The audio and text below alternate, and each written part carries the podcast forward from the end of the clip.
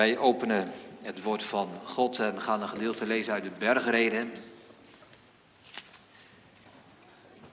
Dat is Matthäus 5.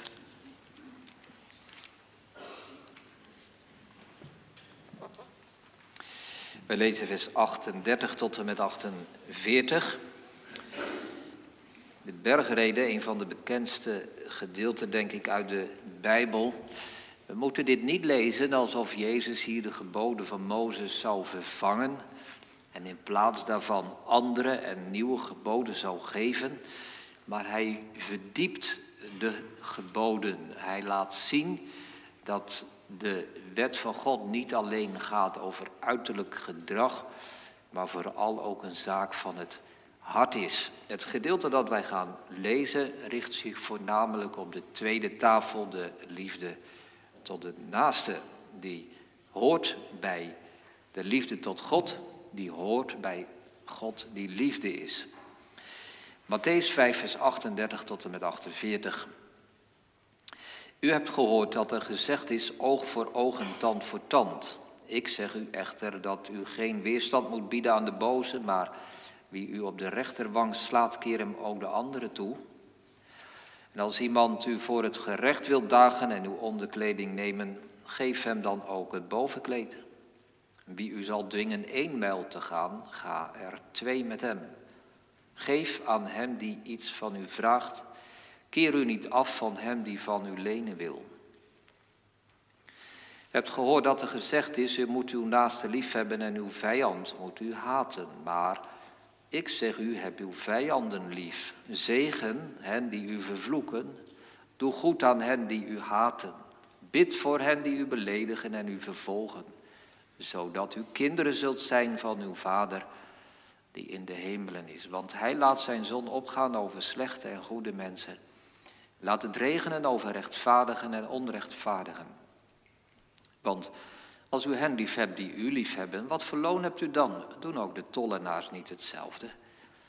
Als u alleen uw broeders groet, wat doet u meer dan anderen? Doen ook de tollenaars niet zo? Weest u dan volmaakt, zoals uw Vader die in de hemelen is, volmaakt is. De tekst voor de prediking vinden we in vers 45 en 48. Vers 45 zodat u kinderen zult zijn van uw Vader die in de hemelen is. Want, zegt Jezus, hij laat zijn zon opgaan over slechte en goede mensen. En laat het regenen over rechtvaardigen en onrechtvaardigen. Weest u dan volmaakt, zoals uw Vader die in de hemelen is, volmaakt is. Het vergezicht van God, dat is het thema dat boven de preek staat vanmorgen. Het vergezicht van God Drie gedachten. Ten eerste, waarom gaat de zon op? Ten tweede, toch gaat de zon op. En ten derde, morgen gaat de zon op. Tijdens het preek wordt duidelijk, hoop ik, dat waarom ik deze drie punten gekozen heb. Het thema is het vergezicht van God, de eerste gedachte. Waarom gaat de zon op? Een vraag die ons bezig kan houden. Ten tweede, toch gaat de zon op. God laat dat doen telkens weer. En morgen gaat de zon op als we naar de toekomst vooruitkijken. Psalm 145 gaan we zingen. Daarvan vers 1 en 6. O God, mijn God, gij alle vorsten, Heer, ik zing verheugd uw grote naam ter eer. En ook vers 6, de Heer is recht in al zijn weg en werk. Psalm 145, vers 1 en 6. you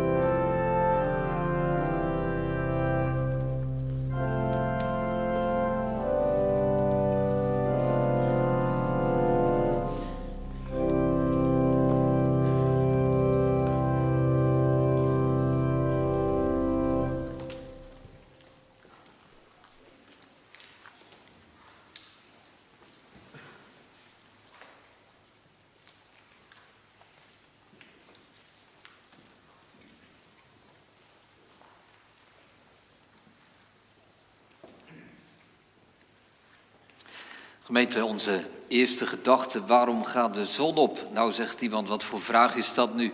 Waarom gaat de zon op? Dat is een zaak van natuurkunde.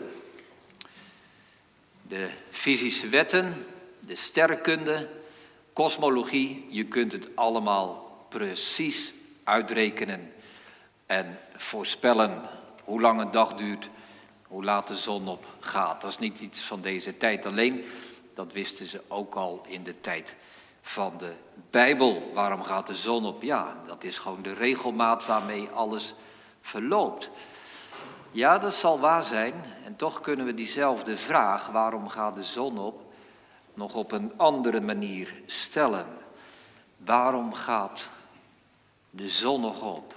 Waarom komt er telkens weer een nieuwe dag? Ik moest denken aan een interview dat ik ooit gezien heb met dominee de Jong. PL Piet de Jong zeiden we dan in Rotterdam. Dominee Piet de Jong, hij was mijn collega destijds in Rotterdam in de Pelgrimvaderskerk, Delshaven. Flamboyante man, enorme grote boshaar, altijd levenslustig en opgewekt. Maar ik zag in dat interview een kant van hem die je niet misschien zo snel zou zien als je hem meteen ontmoette. Hij vertelde dat hij een dochtertje had gehad, Willemijn, meisje van 2,5 jaar, dat stierf. En hij zei in dat interview, ik was gewond. Van mij mocht de zon ondergaan. Nou gemeente, dan zitten we bij een andere vraag. Die we misschien allemaal wel op een bepaalde manier herkennen. In ieder geval velen van ons. Waarom gaat de zon nog op? Als er iemand is van wie je zielsveel houdt en hij of zij sterft. Je vader, je moeder, je kind, je broer, je zus, je vriend. Waarom gaat de zon nog onder, op? Waarom komt er nog een nieuwe dag? Het lijkt wel alsof de aarde stilstaat, zou moeten staan. Je kunt je geen toekomst voorstellen. Ik had de preek voorbereid van de week. En ik kreeg gisteren de lijst met, met punten van voorbeden. Ja, ik hoef dat niet uit te leggen. Hoeveel, hoeveel gebrokenheid is er, ook onder ons. Al die mensen, één voor één, kunnen die vraag misschien wel stellen. Je, je verbaast je erover op zo'n moment dat alles gewoon doorgaat.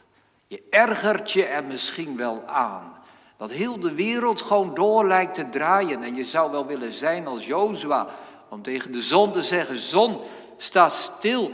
Dit kan toch niet? Hoe is het mogelijk dat alles gewoon maar door lijkt te gaan terwijl hij, terwijl zij gestorven is? Alsof die ene dag gelijk is aan alle andere dagen, alsof er, alsof er niets gebeurd is. Van mij mag de zon ondergaan.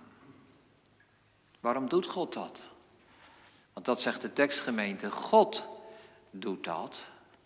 Hij laat zijn zon opgaan. Er staat niet, nou, dat is een zaak van sterrenkunde, van uh, kosmologie, natuurkunde. God doet dat. God geeft weer een nieuwe dag. Waarom doet God dat? Het is niet de machine, zeg maar, van de geschiedenis die over ons heen walst. Maar God laat zijn zon opgaan. Telkens weer. Je wilt niet dat de zon opgaat. En misschien herken je wel dat je letterlijk of figuurlijk de gordijnen dichtlaat. Het licht van een nieuwe dag kan pijn doen. Zo'n ervaring, gemeente, kunnen wij hebben bij rouw, verdriet, gemis, sterfgevallen. Kan ook zijn als wij depressief zijn, burn-out zijn, gebroken zijn. Als je iets bedreigends en beschadigends hebt meegemaakt. Van misbruik, geweld. Er zijn zoveel dingen. Laten we niet denken, gemeente, dat dit alleen iets is van hè, psychisch zwakke mensen of zo. Dit kan ons allemaal overkomen.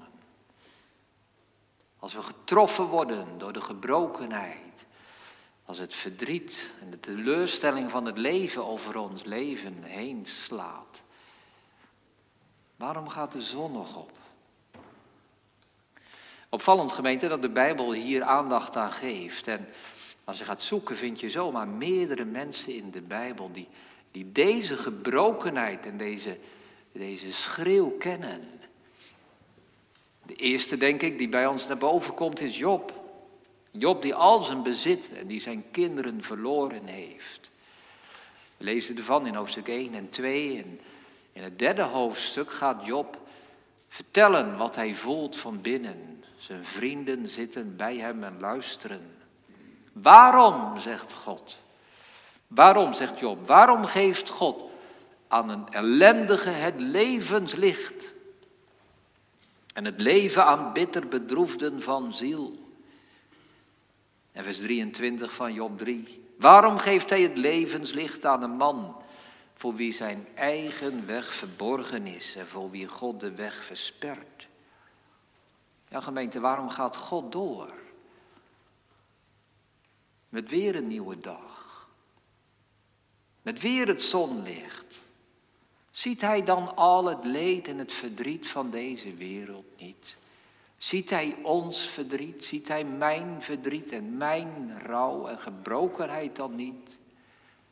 Doet God dan net alsof er niets aan de hand is en komt er zomaar weer een nieuwe dag? Ziet hij dan niet dat ik de gordijnen dicht laat? Ja, gemeente, bij verdriet sluiten wij de luiken, gordijnen van de ziel. Ook dat staat in de Bijbel. Ook dat zegt Job, hoofdstuk 6, vers 16. Hij zegt tegen God aan met zoveel woorden: God, laat mij met rust. Ik wil alleen zijn. Ik wil zelfs u niet in de buurt hebben. Ik wil geen aandacht van niemand, zelfs niet van God. Hoe lang, zegt hij, hoofdstuk 6, vers 19, hoe lang duurt het voordat u uw blik van mij afwendt? Onze eerste gedachte, waarom gaat de zon op? Ten tweede, toch gaat de zon op. Toch gaat de zon op. Niet vanzelf, maar God doet dat. Hij laat zijn zon opgaan, zegt de tekst. De prediker die kent het verschijnsel ook.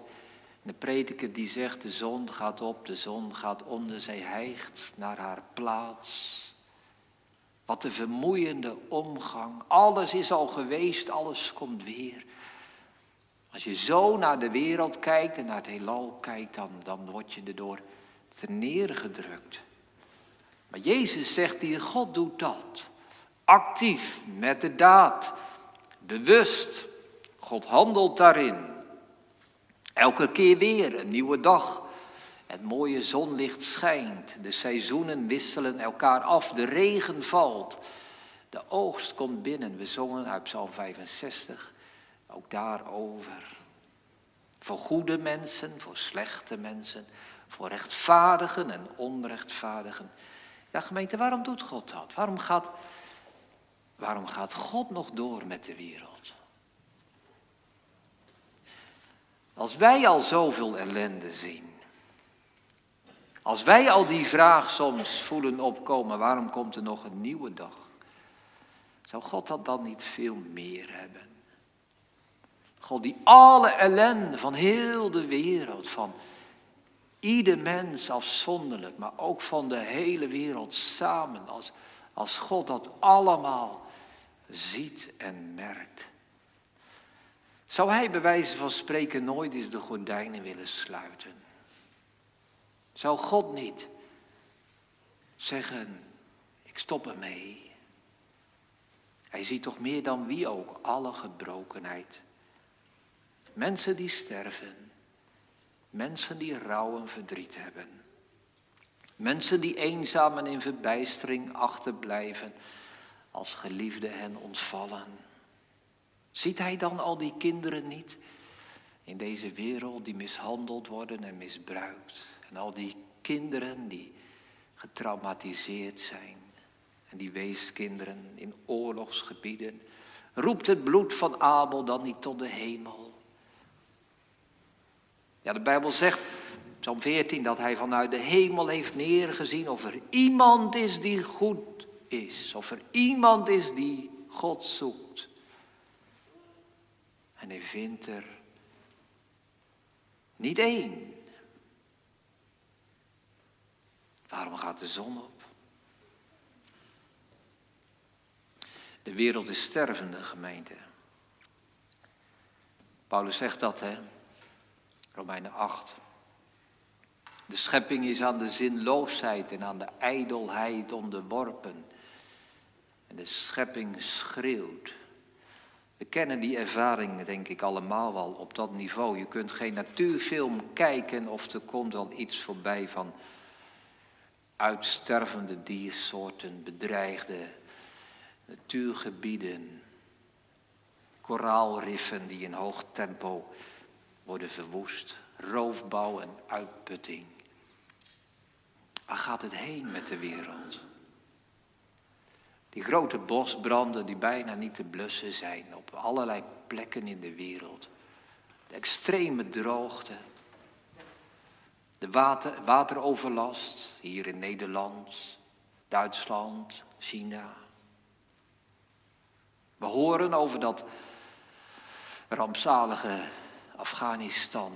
We zijn erdoor getroffen en we zouden bijna de situatie in Syrië vergeten. Wat voor wereld is dit? Wat een ellende. Soms denk je, ik wil er niet van weten. Ik sluit me maar af voor al dat nieuws. Want ik kan niet meer blij en onbekommerd leven als ik echt, als ik echt weet wat er gebeurt. Ja, maar gemeente, waarom laat God dan al deze ellende gebeuren? Er zijn rechtvaardigen, er zijn goede, zegt de tekst. Ja, maar er zijn ook zoveel slechten en er zijn zoveel onrechtvaardigen in de wereld. En dat gaat ook allemaal door. Het onrecht, onrechtvaardigheid, de slechtheid, de ellende en de rouw. Toch gaat de zon op. Waarom? Nou gemeente, hier komt het antwoord. Wij zijn in ons verdriet niet de enigen waar God rekening mee houdt. Wij zijn niet de enigen aan wie hij denkt. Gods perspectief is groter dan dat van mij. God ziet meer, God ziet verder dan wat ik zie. Misschien als ik het nog wat scherper zeg. Ons verdriet, onze rouw, onze gebrokenheid is voor God geen reden om de wereld stil te zetten. Hij gaat door, een nieuwe dag komt, toch gaat de zon op. Want er zit gemeente iets, ik ga wat zeggen wat misschien wel een beetje schuurt, maar wat ik toch ga zeggen. Er kan in ons rouw, in ons verdriet, in onze neerslachtigheid iets afsluitend zitten, iets isolerends, hè, waardoor je je afsluit van andere mensen, van andere situatie. Ik las in de voorbereiding ergens dat iemand het volgende zei: Het kwaad dat ons overkomt leidt tot een introverte gerichtheid, dus een zelf, om een zelfgerichte gerichtheid op onze pijn.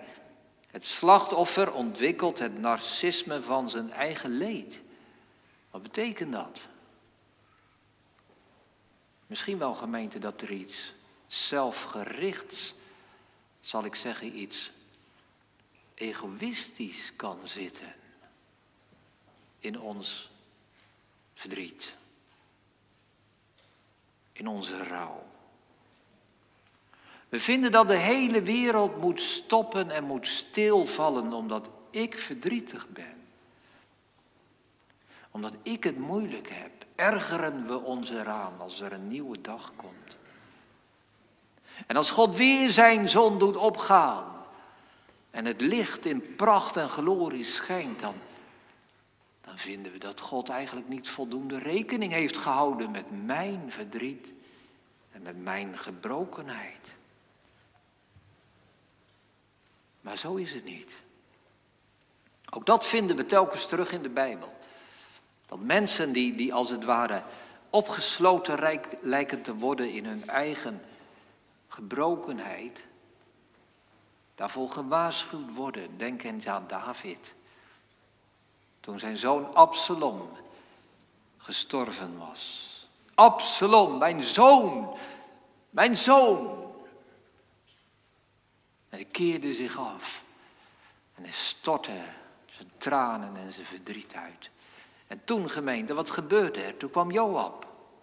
En Joab die schudde hem als het ware hardhandig door elkaar en zei, koning, dit kunt u niet maken. U bent wel vader, maar u bent meer, u bent ook koning.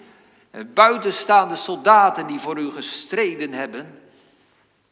Vergeet u dan uw eigen land, uw koningschap, uw soldaten. Ze komen de stad binnen alsof ze verloren hebben. Maar ze hebben gewonnen.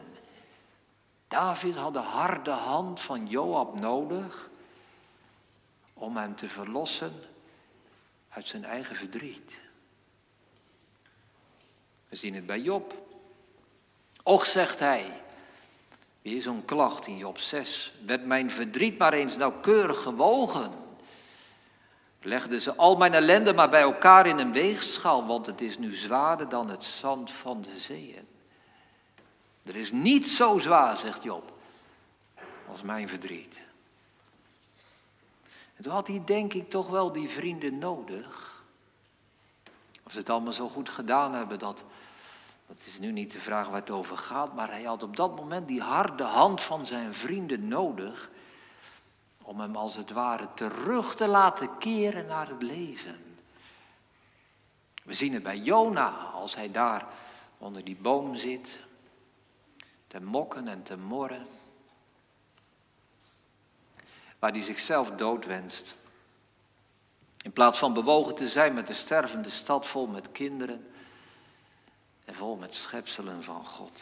En dan klinkt daar de stem van God die zegt, ja maar Jona, kijk eens naar mijn bewogenheid voor al die mensen daar. Jona had de stem van God nodig. En uiteindelijk gemeente was het ook bij David en was het ook bij Job door Joab en door de vrienden heen. De stem van God die hen aansprak. Nou, terug naar onze tekst. Die tegenstem van God hebben wij ook nodig. En God gaat dat bij ons niet doen met harde hand, maar met vriendelijk zonlicht en milde regen. Elke morgen dat de zon opgaat, elke keer als de regen neerkomt. Spreekt God. Toch gaat de zon op. God gaat door. Want Gods plannen, gemeente, reiken verder dan ons verdriet. God heeft een vergezicht. God kijkt verder dan alleen de toestand van nu en vandaag. God heeft niet één iemand, namelijk mij of u of jou, te redden. Maar God heeft een wereld te redden. En daarom gaat hij door. Wij kunnen en wij zullen ook vaak onze interesse en onze betrokkenheid op de wereld verliezen. Als ons eigen leven wordt aangeraakt en als wij verdriet en gebrokenheid ervaren. Maar God, gemeente, verliest zijn betrokkenheid, zijn interesse, zijn liefde voor de wereld niet. Wij worden weggespoeld bijna, we worden overmand door verdriet.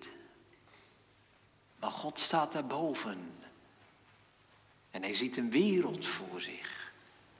Wij raken de hoop kwijt, wij worden wanhopig. Wij zeggen, van mij mag de zon ondergaan. Maar God gemeent, hij ziet niet alleen de goede mensen, niet alleen de rechtvaardige mensen, maar ook de slechte en ook de onrechtvaardige. En God is zelfs met hen bewogen.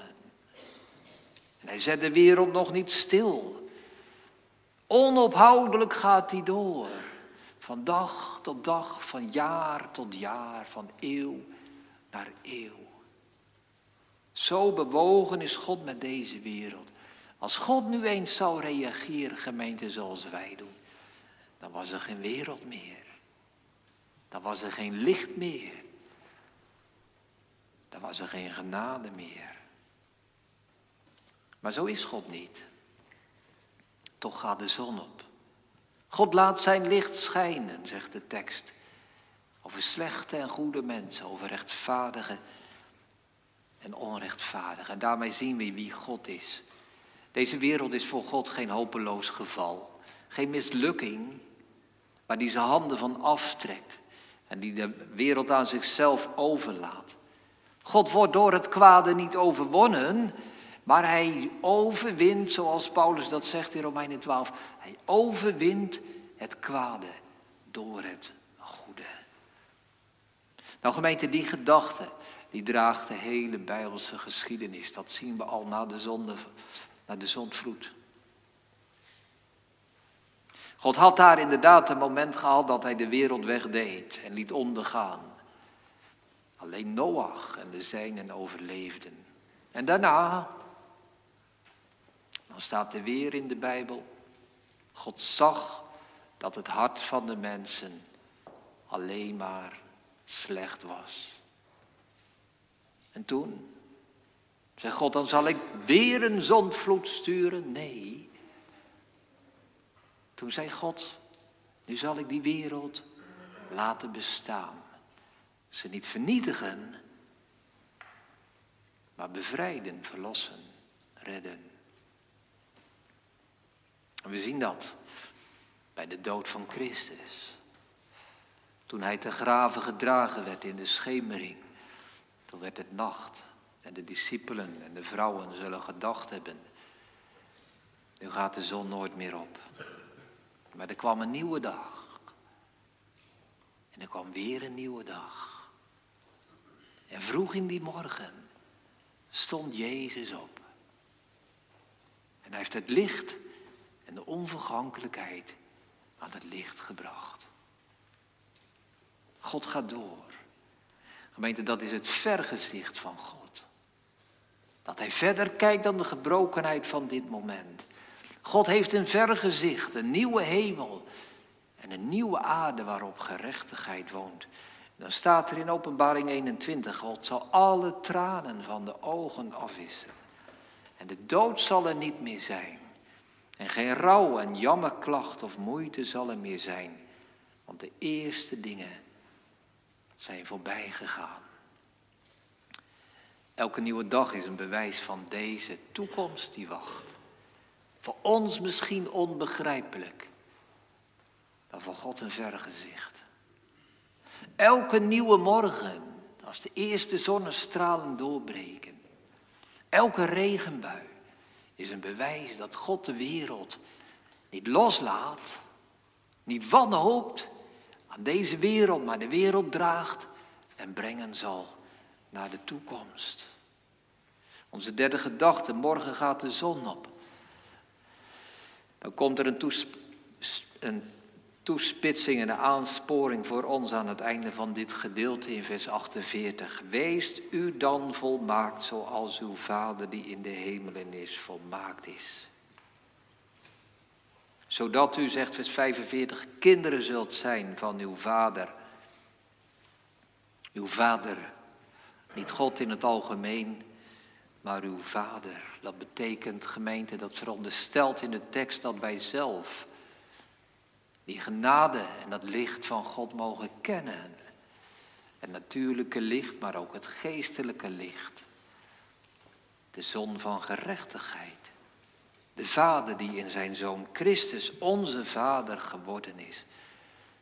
Dat betekent dat wij zelf als slechte, als onrechtvaardige mensen de goedheid van God hebben mogen ontvangen. Vriendelijkheid, vergeving en redding. Wees dan volmaakt als uw Vader in de hemelen volmaakt is. Ja, zegt iemand, maar ik kan helemaal niet volmaakt zijn.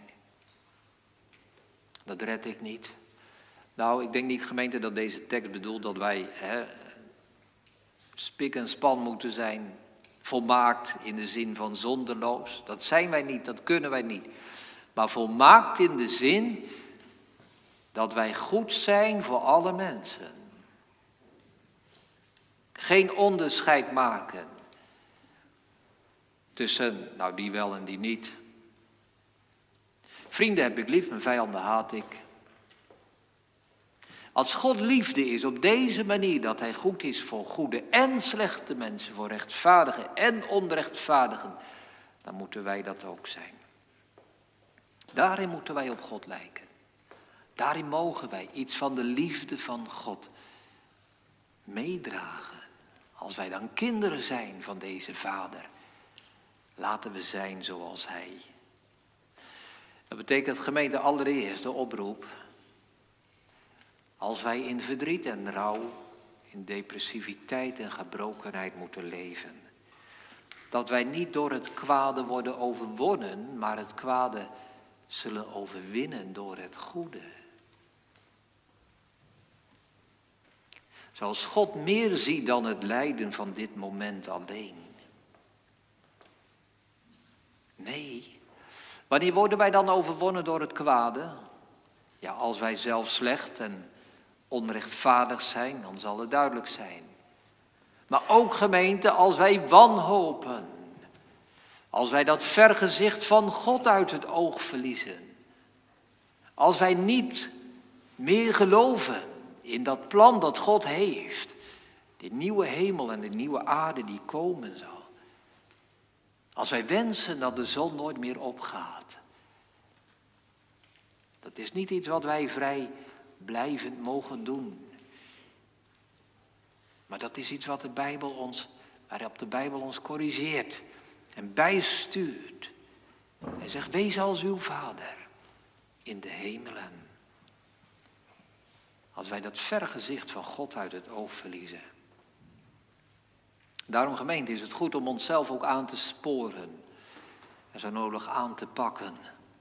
Psalm 77 doet dat. Zal God zijn genade vergeten, nooit meer van ontferming weten. Maar dit krenkt mij. Dit laat ik niet gebeuren. Zulke gedachten, zegt Psalm 77, zijn zinloos. Daar stop ik mee. God zal verandering geven. Psalm 42. O mijn ziel, waarom ben je zo neergebogen? Waarom ben je zo verdrietig? Hoop op God. Zeg dat tegen jezelf.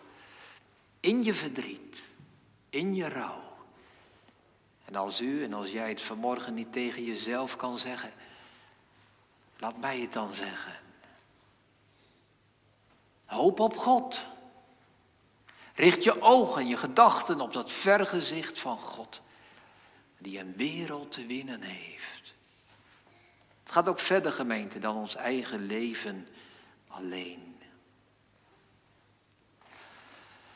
Het kan zo overweldigend zijn wat wij op ons afkrijgen aan nieuwsberichten.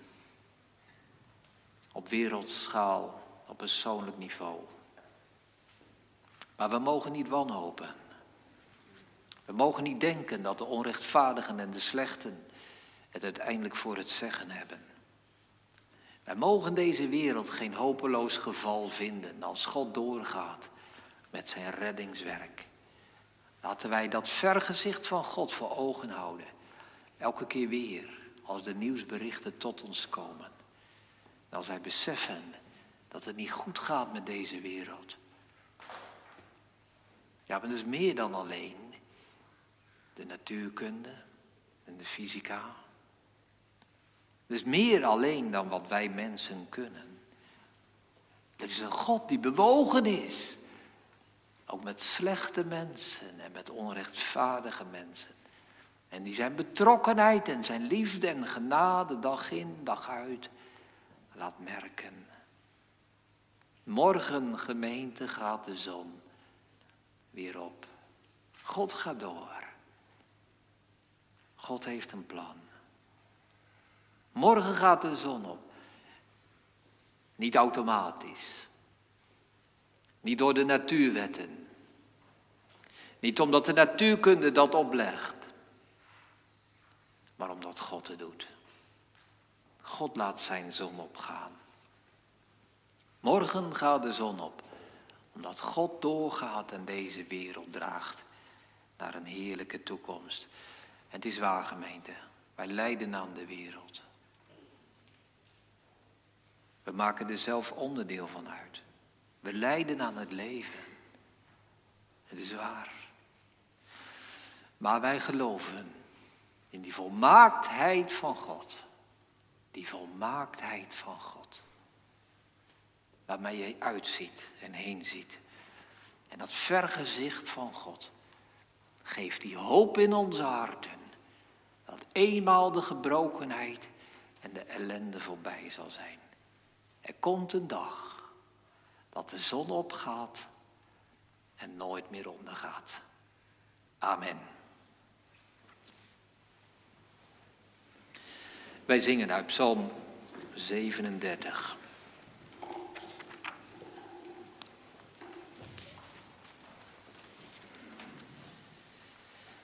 Psalm 37, vers 2 en 3. Stel op de Heere in alles uw betrouwen. Dan zal hij u in liefde en gunst aanschouwen, u schenken wat uw hart van hem begeer. En vers 3, hij zal wel haast uw recht voor elks gezicht doen dagen, als de morgen zonnestralen en blinken als het helder middaglicht. Psalm 37, vers 2 en 3.